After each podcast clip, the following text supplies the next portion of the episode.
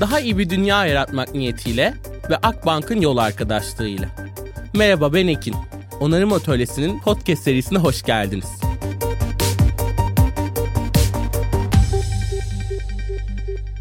Herkese kocaman bir merhabalar. Onarım Atölyesi Podcast'in yeni bölümüne hoş geldiniz. Aslında bu podcast serisinde farklı biçimleriyle onarmak kavramına daha iyi bir dünya yaratmaya, bu alandaki farklı oyuncularla sohbet etmeye odaklanıyoruz ve aslında kendi onarma hikayelerimizi sizin olduğunuz yere getiriyoruz. Bugün de çok heyecanlıyım çünkü çok kıymetli bir konuğum var. Aslında uzun süredir yarattıkları deneyimin bir parçası olma şansını elde eden biri olarak aslında birçoğumuzun sanatla Türkiye'de ilgilenen herkesin bir şekilde yolunun kesiştiği bir kurumdan birini ağırlıyor olmak çok çok kıymetli benim için. Özellikle de konu kültür politikalarıysa. Bu bölümde konum İKS ve Kültür Politikaları Çalışmaları Direktörü Özlem Ece. Özlem Hanım hoş geldiniz. Hoş bulduk. Çok teşekkür ederim bu güzel davet için. Ben çok teşekkür ederim burada olduğunuz için. Aslında çok uzun zamandır zamandır sizlerin çalışmalarını, İKS'lerin çalışmalarını ve dünya üzerinde bu kültür politikaları çalışmalarını çok büyük bir heyecanla takip ediyorum ve ilk bakışta biraz ayrık gibi görünse de dünyayı onarmakla çok büyük de bir kesişim noktası olduğunu inanıyorum. Ama ondan önce ben hızlıca bir sizin hikayenize dönmek çok isterim.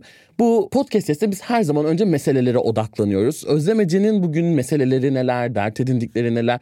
Bu meselelerin hikayenizdeki yerine ben sizden duymak çok isterim. Evet tabii zorca bir soru öyle zaman sınırı içinden düşününce. En genel haliyle şöyle demek istiyorum. Yaşamın kendisiyle düşünsel bir bağ kurabilmeyi dert ediniyorum galiba.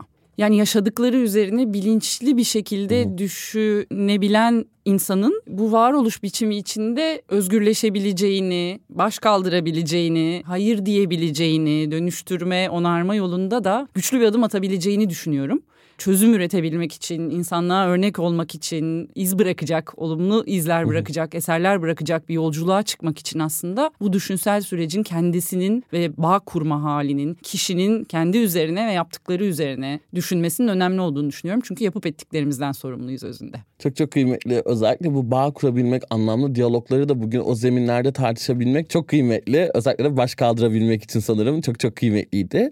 Ve benim özellikle kendi sorgulama sürecimden de gelen bir noktada biraz daha politikadan bahsediyoruz ve kültür sanatı alıyoruz. Gündelik kullanımlarına baktığımızda özellikle politikaya yüklenen anlam, kültür sanata yüklenen o misyon, vizyon kaygısıyla birlikte çok farklı kavramlar gibi yan yana ele alıyoruz. Peki bu ikisi bir araya geldiğinde yeni bir çalışma alanı mı doğuyor? Kısacası kültür ve sanatın politikası nasıl olur ve neden önemli? Şöyle yani her birini ayrı ayrı bir düşünelim. Kültürü tanımlamak çetrefilli bir mesele aslına bakarsak. Kültürün tanımını ben hep UNESCO'dan alıyorum. Yani sadece sanat ve edebiyatı kastetmiyoruz kültürden bahsettiğimizde. insanların, toplulukların yarattıkları, yapıp ettikleri ve çağlar boyunca geleceğe aktardıkları yaşam biçimleri, inançları falan çok daha kapsamlı bir şeyden bahsediyoruz. Sanat boyutu ise insanın ifade etme biçimi olmuş çağlar boyunca malum kültür politikalarından bahsettiğimizde şimdi sosyal bilimler disiplini açısından baktığımızda ben siyaset bilimi okudum, kamu yönetimi okudum. Kendi alanımdan baktığım zaman kültür politikası bağımsız bir akademik disiplin araştırma alanı olarak sosyal bilimler içinde nispeten genç bir alan. Bir ihtiyaçtan doğduğu için bu ihtiyacın şekillenmesi ve oluşumu görece yeni diyebiliriz. Aynı şekilde kültür politikasını bir kamu politikası alanı olarak ele alıyorsak eğer burada da diğer kamu politikalarıyla karşılaştırdığında daha geç bir dönemde ortaya çıkmış diyebiliriz. Ama geç dönemden kastım da böyle yakın bir zaman değil gene. İkinci Dünya Savaşı sonrası refah toplumuyla beraber aslında kültürün demokratikleşmesi tartışmalarıyla beraber bu anlayışla beraber ortaya çıkıyor. Yani kültür politikası dediğimizde ne ifade ettiğini de ben bir daha hep hatırlatmakta fayda görüyorum. Çünkü aynı şeyi anlamıyor olabiliriz. Hı hı. Onun için hep böyle toz ve gaz bulutuna gidip bir daha bir daha hatırlatmak lazım. Yani sonuçta burada kültürün özgün doğası, ayrıcalıklı, nitelikli yerinden bahsediyoruz pek tabii ki bir politika konusu hı hı. olarak. Ama kültür politikası dediğimizde ağırlıklı olarak politika kavramının gönderme yaptığı olgulardan ve eylemlerden bahsediyoruz. Çünkü kültür politikası da neticesinde diğer politika alanları gibi bir konu. Özellikli ama nihayetinde bir politika alanı Bu bağlamda yani politikadan söz edildiğinde de aktör kim olursa olsun yani hükümeti kastediyor olabiliriz, kurumları, sivil toplum kuruluşlarını, belediyeleri hatta şirketleri de kastediyor olabiliriz. Yani kısa, orta ve uzun vadeli, ölçülebilir, niteliksel, niceliksel hedefleri olan, insan kaynakları ve mali hedefleri olan filan böyle bir hukuki düzenlemeleri de içeren politika alanından bahsediyor oluyoruz. Kültür politikaları alanını böyle ele almak lazım. Şimdi dünyadaki işte İkinci Dünya Savaşı sonrası özellikle Avrupa'da gelişen refah toplumu içinden şekillenen bir alan. Türkiye'ye baktığımızda ise işte Türkiye'de Kültür Bakanlığı'nın kuruluşu 70'li yıllar. O zamandan bu zamana merkezi bir yönetim biçimiyle şekillendirilmiş bir politika alanından bahsediyoruz. Yani öyle çok yeni bir alan değil ama yapılanmasını Türkiye'de çok da oluşturamamış. Hani böyle bir yönetim modeli içinden tartışılmış bir alan değil diyebiliriz. Çok çok kıymetli. Aslında bu seyirde dokunduğumuz, ele almaya çalıştığımız pek çok noktayla da bence bu konu bağdaşıyor. Bir tanesi aslında bu politika yapımının süreçleri. Yani bu politikayı nasıl yapacağız? Her politikada katılımcılığı, kapsayıcılığı düşünürken sanat bu noktada nasıl kesişiyor? Benim için çok çok önemli bir soru ve kültürün demokratikleşmesinden bahsettiniz ve her politika aslında bir ekonomik meseleyi de beraberinde getiriyor. Tam bu noktada biraz şeyi de merak ediyorum. Bugün kültür sanatın bir ekonomisi olduğunu, bir piyasaya dönüştüğünü de görüyoruz. Özellikle bunun ticari faaliyetler üzerinden de gidebildiğini gördüğümüz bir yanı zaten var. Ama bununla birlikte buna bağlı da bence gelişen bir kültür sanata erişim hakkı da doğuyor. Bu bence çok kıymetli bir hak. Biz bu podcast serisinde oyun hakkı, yaşam hakkı, refah hakkı, eğitim hakkı, hayal kurma hakkı pek çok hakkı ele aldığımızda bu piyasa içerisinde, bu tekerleşme içerisinde olan sanatta kültüre erişim de bir hak mıdır ve bu hak nerede aranır? Evet yine bir müsaade olursa tanımlara gidelim. Tabii ki. Kültür politikası günümüzde hani böyle geleneksel olarak sanat politikası ile ilişkili faaliyetlerden daha geniş bir alanı kapsıyor. Başta da yaptığım tanımdan hareket edersek. Geleneksel hani böyle sanat politikası gibi dediğimizde işte müzeler, görsel sanatlar, performans sanatları aklımıza gelecek işte miras alanı, edebiyat falan gibi alanlardan bahsediyoruz. Bunlara yönelik kamu desteğinden bahsediyoruz. Modern kültür politikalarına baktığımızda ise geleneksel faaliyetlerin yanı sıra kütüphaneler, arşivler, hayvanat bahçeleri, akvaryumlar yani kültürü oluşturan işte folklor, fuarlar, festivaller çok daha geniş bir alanı kapsadığını görüyoruz. Ve bu türlere yönelik kamu desteğinden bahsediyoruz aslında bir politika alanı ve kamu politikası alanı olarak bahsettiğimizde. Ve hatta son yıllarda kültür endüstrileri, yaratıcı endüstriler senin de ifade ettiğin gibi aslında bu alana yönelik giderek artan önem ve destek nedeniyle bunlar da kültür politikası içinde ele alınmaya başlanıyor. Bütün bunlar için bir de referans da vermiş olayım. Belki dinleyicilerin ilgisini çekebilir. Profesör Doktor Füsun Üstel'in Kültür Politikasına Giriş Kavramlar, Modeller, Tartışmalar kitabında hem bu süreç hem kültür politikalarının yapılanma modeli bir kamu politikası olarak dünyada, Türkiye'den çok aslında Avrupa'da nasıl şekillendiği anlatılıyor. Bunları bilmek önemli ki Türkiye'de ne olduğunu dünyayla karşılaştırmalı olarak inceleyelim. Şimdi tekelleşme veya işte piyasa ekonomisi falan dediğimizde şimdi buraya gelmeden evvel bir şunun altını çizmek lazım. Bu bir hak alanı. Yani ben bir kültür kurumunda çalışıyorum. Yaklaşık yarım yüzyıldır faaliyet gösteren bir kültür kurumu. Kültür ve sanat alanını işte izleyicilerle buluşturmaya çalışıyor. Çünkü kültür ve sanata erişimin, katılımın, bu alanda üretmenin bir hak grubu olduğu gerçeğinden hareket ediyoruz ve bir kamusal hizmet yapıyoruz aslında. Az önce de söylediğim gibi yani kültür politikasına etki ediyor. Çünkü bir aktör olarak bu alanda yapıp ettiklerinden sorumlu ve bir kamusal hizmet gerçekleştirerek kültür ve sanata erişim yolunda olanaklar sağlıyor. Ama ağırlıklı olarak kamunun yani vatandaşların eşit bir şekilde o toplulukta yaşayan herkesin bu alanda üretilen bütün işlere erişebilmesinin sağlanması için işte altyapının hazırlanması, düzenlemelerin yapılması, coğrafi koşullardan, cebinizdeki paradan, eğitim seviyenizden bağımsız olarak bulunduğunuz bölgede, şehirde, mahallede her ne oluyorsa ona ulaşabilme hakkınızın sağlanması bir kamu sorumluluğu. Dolayısıyla yerel veya ulusal düzeyde merkezi veya işte yerel yönetimlere, hükümetlere, devlete çok büyük sorumluluklar düşen bir alan sadece özel sektöre bırakılamayacak kadar mühim, kıymetli, nitelikli bir alandan bahsediyoruz. Eşit erişimin sağlanabilmesi için. İşte aynı eğitim politikaları gibi, sağlık politikaları gibi bu altyapının eşit bir şekilde düzenlenmiş olması gerekiyor. Yani insan hakları evrensel bildirgesine kadar dayandırabiliriz bunu.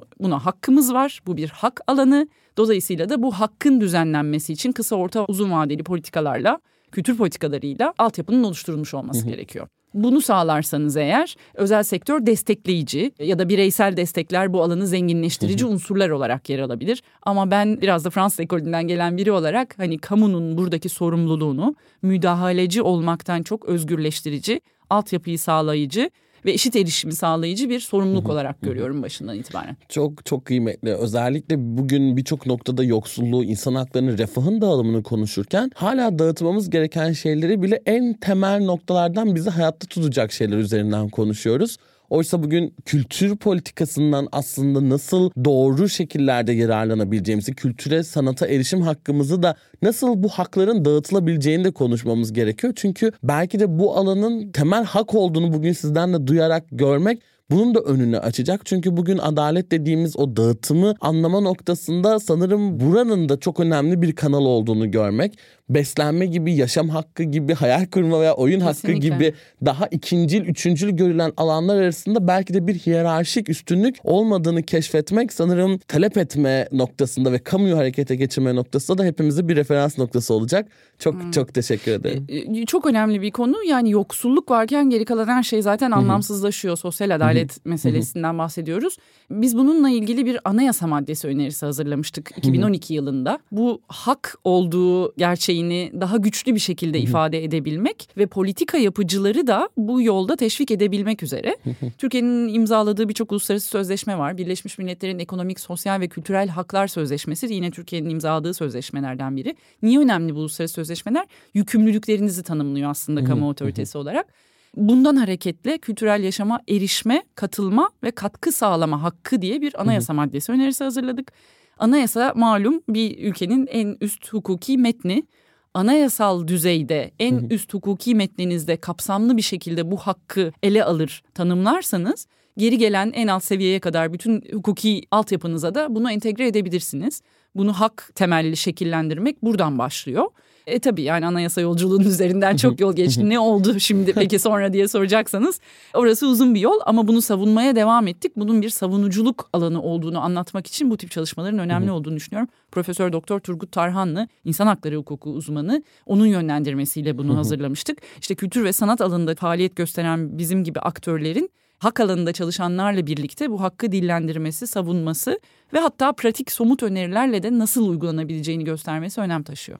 Çok teşekkür ederim. Özellikle burada onarmak fiiline de baktığımızda her şeyin temelini hak savunuculuğu ve adaletle birleştiriyoruz. Çünkü bugün yaşadığımız her krizin, her temel çevresel, sosyal liderlik krizinin temelinde bir hak sorunu olduğunu düşünüyoruz.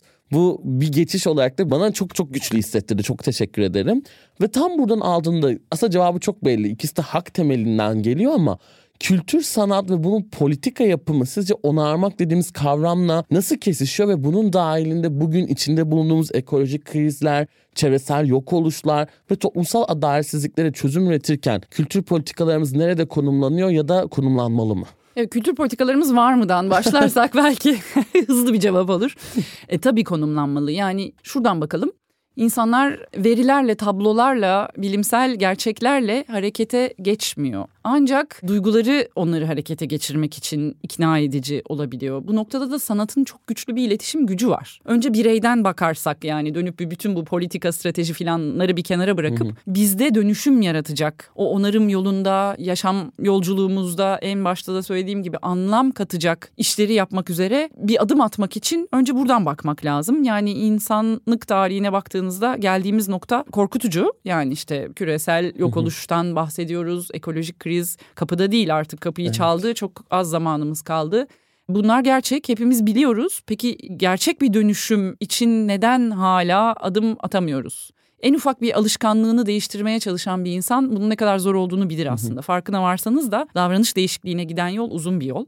Burada sanatın gücüne ihtiyacımız var evet. İletişim gücüne ihtiyacımız var. Harekete geçmek için, duyguları tetiklemek için. Kültür politikası da bunun üzerinden şekillendirildiği için evet. Biz tam da pandemi döneminde doçent doktor Hande Paker'le birlikte ekolojik dönüşümü odağa alan sürdürülebilirlik kavramının içinin nasıl boşaldığını incelediğimiz bir rapor yayınlamıştık. Web sitemizde var ilgilenenler bakabilirler. Yani bugüne kadar yaptığımız şekilde devam edemeyiz. Topyekün bir dönüşüm arıyoruz aslında. E bu yolda da bütün aktörleri olduğu gibi elbette ki sanat dünyasının aktörlerine de ihtiyaç var. Böyle çok güzel bir ifadesi vardı sevgili Hande'nin. Sürdürülebilirliği böyle her kilide uyan bir anahtar gibi tanımlıyordu. Öyle bir hale almaya başladı, yabancılaşmaya başladık. Bunun yerine topyekün yaşam biçimimizde kalıcı değişiklikleri nasıl yapabiliriz, nasıl adım atabiliriz buna bakmamız gereken zamanlardayız. Tabii çuvaldızı kendimize de batırarak, mekanlarımızı dönüştürerek, kültür mekanlarının enerji kullanımından atık yönetimine, iş yapma biçiminden bu konuyu ele alış biçimine, içerikte buna odaklanmaya kadar yapabileceği çok şey var. Yaptığı da çok şey var. Bunların görünür olması gerekiyor. Bu alanda mücadele eden özellikle sivil aktörlere güç vermesi, iletişim gücüyle destek vermesi önem taşıyor diye düşünüyorum. E bir de bunu politika haline getirirseniz o zaman topyekun bir dönüşümden de Kesinlikle. onarma sürecinden de bahsetmek mümkün olur. Kesinlikle yani burada aslında kendi alanının kendi iç dönüşümüyle birlikte o kendi aslında kullandığı enerjiden insan ilişkilerini yaptığı aşamalardan tutun da bir öte boyutu olan dış etkenini dönüştürme ve bunu politika haline getirme çok Evet. kıymetli. Açıkçası bu kadar hak temelli bir yerden de bakmadığımı bugüne kadar fark ettim. Benim için kesinlikle erişilmesi için bir beslenme kadar kritik olsa da sanırım biraz daha bir hak hiyerarşisi öne koyduğum bir noktada hepsinin birbirine ne kadar kilit olduğunu tıpkı krizleri tanımlamada iklim krizi cinsiyet eşitliğini ayıramadığımız gibi kültüre erişimle aslında refahın temel refahın ne kadar iç içe geçtiğini hissediyorum. Çünkü karşımızdaki muhataplarımız aynı. Çok doğru. Bu kadar muhatapsızlaştırıldığımız, bu kadar adalet konusunda yalnız hissettirildiğimiz tüm dünyada bir dönemde bir şeyi talep etme gücünü göstermek ve tüm ortakları bir araya getirmek sanırım çok kıymetli ve bana çok iyi geldi. Çok teşekkür Ya, ederim. Birlikte konuşmak bize de iyi geliyor. Sonuçta hepsi birbirinden besleniyor. Toplumsal cinsiyet eşitliği alanında kesişimsellik biraz zor da bir kavram ama çok konuşulan bir kavram. İşte birbirinin sevgili Güneşin Aydemir'in çok güzel böyle kenar etkisi diye bir lafı vardır. O kenar etkisini büyütebileceğimiz alanlardan bahsediyoruz aslında. Çok kıymetli. Ben bu noktada aslında hem sizin hem İKSV'nin de çalışmalarını da bildiğim için cinsiyet eşitliği meselesini biraz daha derinleştirmek de çok isterim. Yani kültür sanatla, kültür politikalarıyla onarmayı bu kadar konuşurken bunun paralelinde kültürü, bu alanı, bu endüstri olduysa da bu endüstriyi de belki dönüşümünü, kendi içindeki onarımı da konuşmamız gerekiyor. Belki bugün evet ikili cinsiyet sistemleri üzerinden atfederek konuşmayı bir kenara bırakmak gerekiyor ama temelde bir kadın meselesi sizin alanınızda bugün ne durumda, cinsiyet eşitliğine nasıl bakıyorsunuz ve dünyada bu durum sizce nasıl? E, Kat edecek çok yolumuz var. Çok doğru. Bunu dar bir kadın erkek meselesi üzerinden değil, aynen öyle geniş bir perspektiften ele almanın, ikili cinsiyet tanımlarının da ötesinde konuşmanın çok mühim olduğunu düşünüyoruz. Tam da bu yüzden sevgili Itır Erhard bizim için çok değerli bir araştırma yürüttü ve bir rapor yayımladık. Bu bizim için pandemi döneminde yayınladığımız sürdürülebilirlik tartışması, ekolojik dönüşüm meselesini konuştuğumuz konu ve hemen onun üzerine gelen bir rapordu. Bunların arka arkaya gelmesi ifade ettiğiniz gibi tesadüf değil. Hepsi birlikte ele alınan konular. İklim değişikliği konusunda da kadınların mücadelesi. Çünkü en çok etkilenen, bundan zarar gören grup olduğu için çok önem taşıyor. Biz de oradan ilham alıyoruz aslında. Feminist hareket kadın erkek sınırlarını da aşarak yani farklı bir yere doğru artık evrildi. Queer dünyayı da içine alıyor elbette. Ve oradaki mücadeleyi ilham verici buluyorum. Dolayısıyla oradan aldığımız ilhamla kültür sanat dünyasının kendi gerçeklerini sorgulamasının mühim olduğunu düşünüyorum. Aynı ekolojik dönüşüm konusunda olduğu gibi. Elbette yarattığı atıktan da sorumlu, burada yarattığı eşitsizliklerden de sorumlu. Bu eşitsizlikleri tekrar ediyor durumda olmamalıyız. Bunun için aktif olarak mücadele etmek gerekiyor. Yani bu araştırma çok kapsamlı bir araştırmaydı ama bir fotoğraf çekmek için yapıldı tabii. Sektörde çalışan kadın kültür profesyonelleriyle birçok görüşme yapıldı. Bende en çok kalan cümlelerden biri bu alanda çalışmanın böyle mücadele etmenin akıntıya karşı kürek çekmek olması veya böyle beyhude bir çaba içinde olmak. Ne yaparsan yap kendini gösterememek, kendine ait bir odası olmaması gibi böyle ifadelerle daha ayrıcalıklı olduğunu zannettiğimiz, daha böyle korunaklı olduğunu sandığımız, erişim sorununun öyle hak sorununun da çok olmadığını zannettiğimiz bir kültür sanat ekosisteminde bile böyle kendini ifade eden aktörlerin olması gidecek çok yolumuz olduğunu gösterdi hakikaten. Burada şimdi rapordan sayısal verilerle yormayayım herkese ama yine göz atmalarını da tavsiye edeyim dinleyicilerimize. Web sitemizde var. Oldukça çarpıcı ifadeler var. Ama yapılabilecek çok da şey var. Bir yandan da kendimizi dönüştürmekten başlıyor sektörü dönüştürmek. Biz aynı dönemde işte bir strateji metni yayınlamıştık mesela yani vakıfta bu meseleleri nasıl ele alıyoruz diye bakmak için bunları artırmak gerekiyor diye düşünüyorum. Daha iyi bir dünya yaratmak niyetiyle ve Akbank'ın yol arkadaşlığıyla onarım atölyesine kaldığımız yerden devam ediyoruz. Bugüne kadar gerçekten kültür alanı, sanat alanı, politika yapımı değil. Daha aslında bu alanın bizlerle direkt buluştuğu noktaya da baktığımızda sanki gerçekten en rahat temsiliyetin, en rahat eşitsizliklerin aşılabildiği alanın sanat olduğunu. Çünkü cinsiyetlerinizin ve aslında bu tanımların çok ötesinde olduğunu hep gördüğümüz noktada bu alanda bile aslında o heteronormatif ilişkilerin, o erkek egemen sistemin ve buna bağlı o ekonomik ilişkilerin sistemi ne kadar baskılayabildiğini de görüyoruz ve bu noktada eşit hak, eşit temsiliyet meselesinde kültür sanat alanında da önemli olduğunu görmek bu raporda da edinebileceğimiz çok çıktığıyla bence çok çok kıymetli. Evet bu noktada iki şey aklıma geldi hemen onları da Lütfen. hatırlatmış olayım. Bizim de Göz Bebeği iki podcast serimiz var. Biri sevgili Yiğit Özşener'in yaptığı yani bir oyuncu olarak kendi kalbini açıp bu sektörden insanlarla birebir ya bu meseleyi nasıl yapacağız diye sohbet ettiği alanın farklı disiplinlerine bu zor soruları sorduğu bir seri sanat gezegeni iyileştirebilir mi diye. Diğeri de sevgili Duygu Demirdağ yaratıcı alanda eşitlik başlığıyla yaptı. Orada da yine raporlarla belli bir çerçeveye ulaşabiliyoruz. Akademik disiplin içinden, sosyal bilimler alanı içinden bakıyoruz konuya. Ama aynı bu seride, senin yaptığın seride olduğu gibi bir araya gelerek birlikte düşünmemiz. Aslında bu sorular zor sorular. Hemen öyle yarın da değiştirebileceğimiz konular değil. Bunları ele almamızın bize ne kadar güç verdiğini biz de hissetmiştik. Onun için yani hem bu seride olmaktan ne kadar mutlu olduğumu söyleyeyim hem de Çok bu iki küçük ederim. seriyi de hatırlatmış olayım. Muazzam Acemisi olarak. sevgili dünyalar söylemini Evet. hayatıma bu kadar aldığım bir dönemde gerçekten çok çok hayranlıkla takip ettiğim iki seri kesinlikle oldu. Bu noktada da meselenin ne kadar karmaşık ve herkesi ilgilendiren bir nokta olduğunu da bu serilerde keşfettim aslında. Yani çok çok kıymetliydi kesinlikle. Çünkü soru sorma gücüne inanıyorum ben. Özellikle onarım atölyesi biz tamamen soru sormak üzerine gidiyoruz. Ve her zaman bugün sizden de öyle. Her zaman net cevapları en doğruyu göstermeyi bekleyerek değil belki üzerine bir soru ekleyerek devam etmeyi bekliyoruz. Ve sanat gezegeni iyileştirebilir mi gibi bir büyük sorunun altında sanatın farklı dallarıyla bu kadar haşır neşir olmaya çalışan hayatının bir döneminde lakabı sanat çocuk olan ben Ekin için farklı branşların, dalların bile bakış açılarının, oradaki farklı oyuncuların, farklı aktörlerin bakış açılarının bile ne kadar değişken olabildiğini gördüm. O yüzden bugün sanırım soru sormaya başlamak çok çok kıymetli.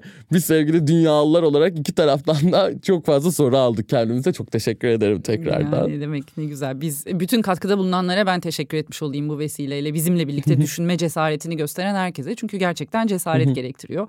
Hele pandemi döneminde bütün gerçekliğimizi sorguladığımız zamanlarda biliyoruz. Yani bütün etkinlikler durmuştu. Sanat dünyası çok büyük yara almıştı aslında.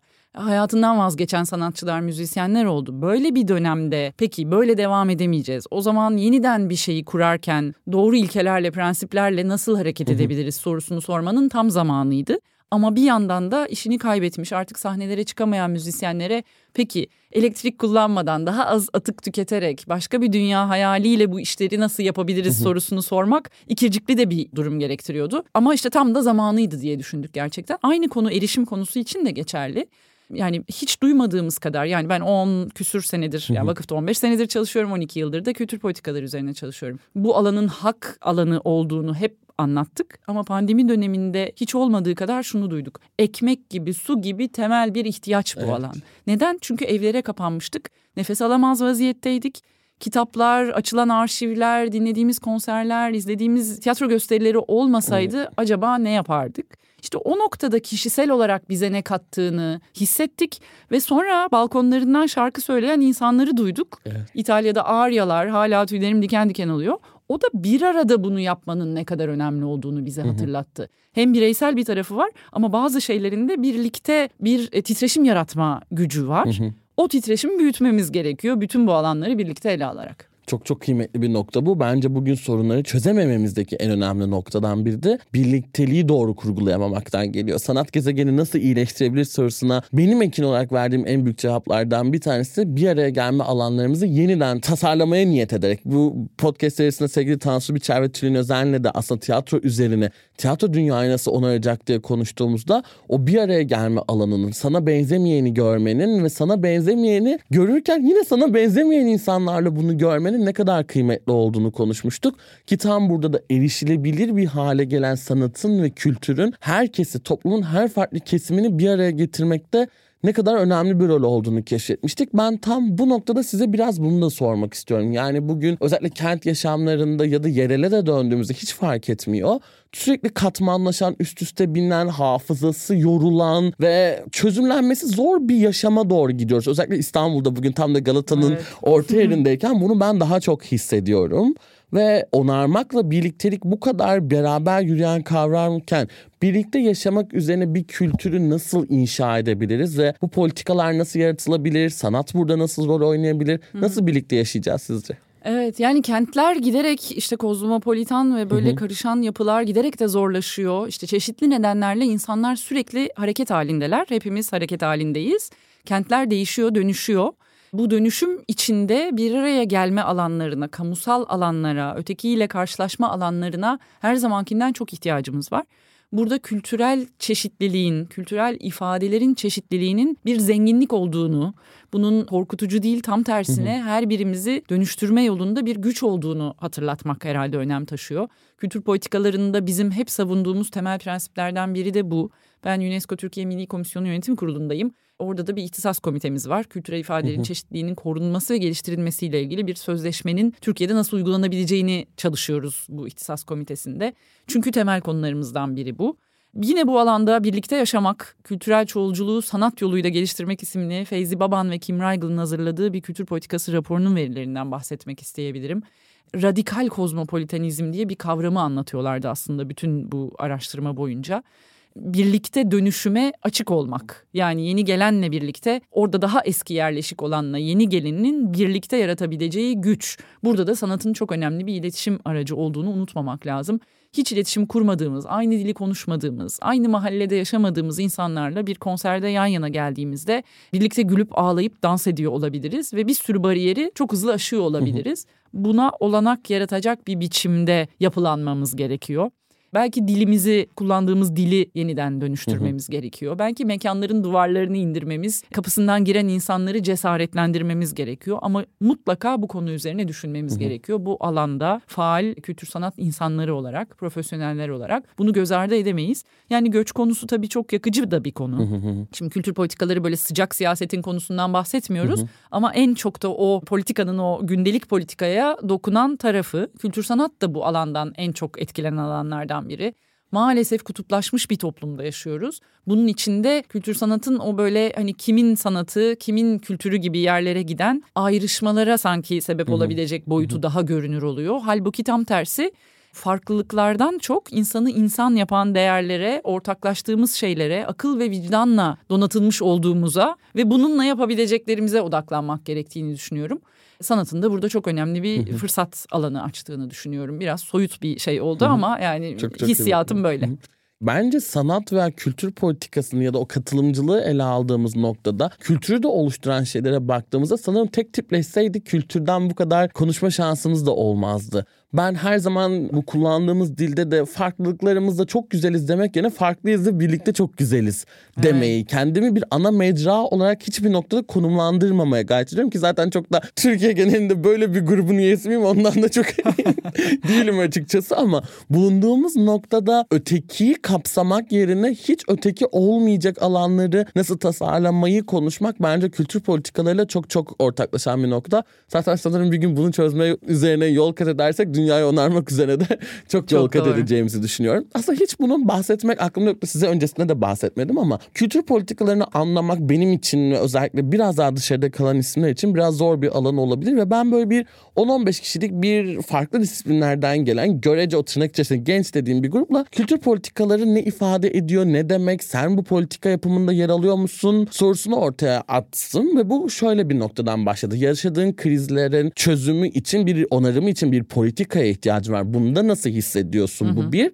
İkinci adımda da şunu sordum. Buna entegre olan kültür politikaları bununla sence bağlı mı? Bunun katılımında nasıl enteresan. hissediyorsun diye. Ve ortak cevap önce şuydu. Ya tamam bir politika yapımı var. Ben hiçbir şekilde parçası olamıyorum ama şu şunları yapabilirim, bunları yapabilirim. Kamuya böyle gidebilirim, özel sektöre böyle gidebilirim. Herkesin aklında bir politika yapımına katılamadığını kabullenen ama bir çözüm önerisi de yatıyordu. Ama mesele kültür politikalarına geldiğinde galiba bana burada yer yok cevabını aldım. Hmm, çok çarpıcı. Ee, çok küçük bir grupta olan bir sonuç bu benim için ama bu kişiler bu, şu an burada olsaydı yarın kültür politikasında daha aktif yer almak için hangi yollar izleyebilirlerdi sizce? Bu benim için de geçerli bir soru aslında. Talep etmek gerekiyor. yani her nasıl bir oluşum içindeyseniz, neden zevk alıyorsanız aktif olmak gerekiyor. Yani biz katılımcılık konusunu engagement kavramını katılımcılık diye çevirmeye çalışarak kültür sanatta katılımcı yaklaşımların neler olabileceği üzerine düşünmüştük. Sevgili Ayça İnce'nin kaleme aldığı bir rapordu. Sonra da atölye ekibiyle o dönemde sevgili Emre Erbirer'le bir workshop yapıp sivil toplumda çalışan daha doğrusu hak temelli sivil toplum alanında çalışanlarla kültür sanat kurumlarındaki yöneticileri bir araya getirmiştik. Ve nasıl daha kapsayıcı olabilir? Yaptığımız işleri nasıl daha katılımcı ve kapsayıcı bir biçimde dönüştürebiliriz diye birlikte kafa yormuştuk. Bunu dert ediniyor olmak gerekiyor her şeyden önce. Yani biz zaten çok ulvi bir iş yapıyoruz. Hadi karikatürize edeyim. Yani işte milyonlarca insana ulaştık. E, bunun yapılması kendi başına önemli. Doğru evet önemli. Ama bir yandan da bir o kadar da ulaşamayanlar var. O ulaşamayanları dert ediyor muyuz acaba? Bunu bir hak alanı olarak görüyor muyuz? Yaptığımız işe her işe buradan baktığımızda bir hak savunusu yaptığımızı idrak ederek baktığımızda işin rengi değişecektir diye düşünüyorum ben. Yani biz ne yapabiliriz? İşte yani aktörler olarak ben baktığımda kültür sanat alanından zevk alıyorum. Sadece izlemekle yetinmiyorum. Örneğin bir şeye gittiğimde kalıyorum, devamını dinliyorum, üzerine okuyorum, soru soruyorum, katılmaya gayret ediyorum. Bir önerim varsa onu dile getiriyorum gibi düşünebiliriz aslında. Ve bu işte temas alanlarını da artırmaktan geçiyor. Yani tabii ben bir kültür profesyonel kültür yöneticisi olarak cevap veriyorum. Kendi bulunduğum yerde yaptıklarımı ancak anlatabilirim. İnsanlar ne yapabilir o herkesin kendi bileceği bir iş. Ama tabii bir yandan da sivil toplum katılımı açısından mesela bir sürü oluşum var. Yani kent konseylerinin çok önemli olduğunu düşünüyorum. Sivil aktörler olarak her birimizin içinde yer alıp talep dile getirmesinin, mahalle örgütlenmelerinin, inisiyatiflerin, kooperatiflerin çok önemli olduğunu düşünüyorum. Dönüşümün biraz da bu yerelden ihtiyaçları anlayarak başlaması gerektiğine inanıyorum. Bu yerel oluşumların uluslararası düzeyde de bir etkisi var çünkü. Yani büyük ulusal politikaları beklersek işimiz çok uzun. Üstelik de hayal kırıcı.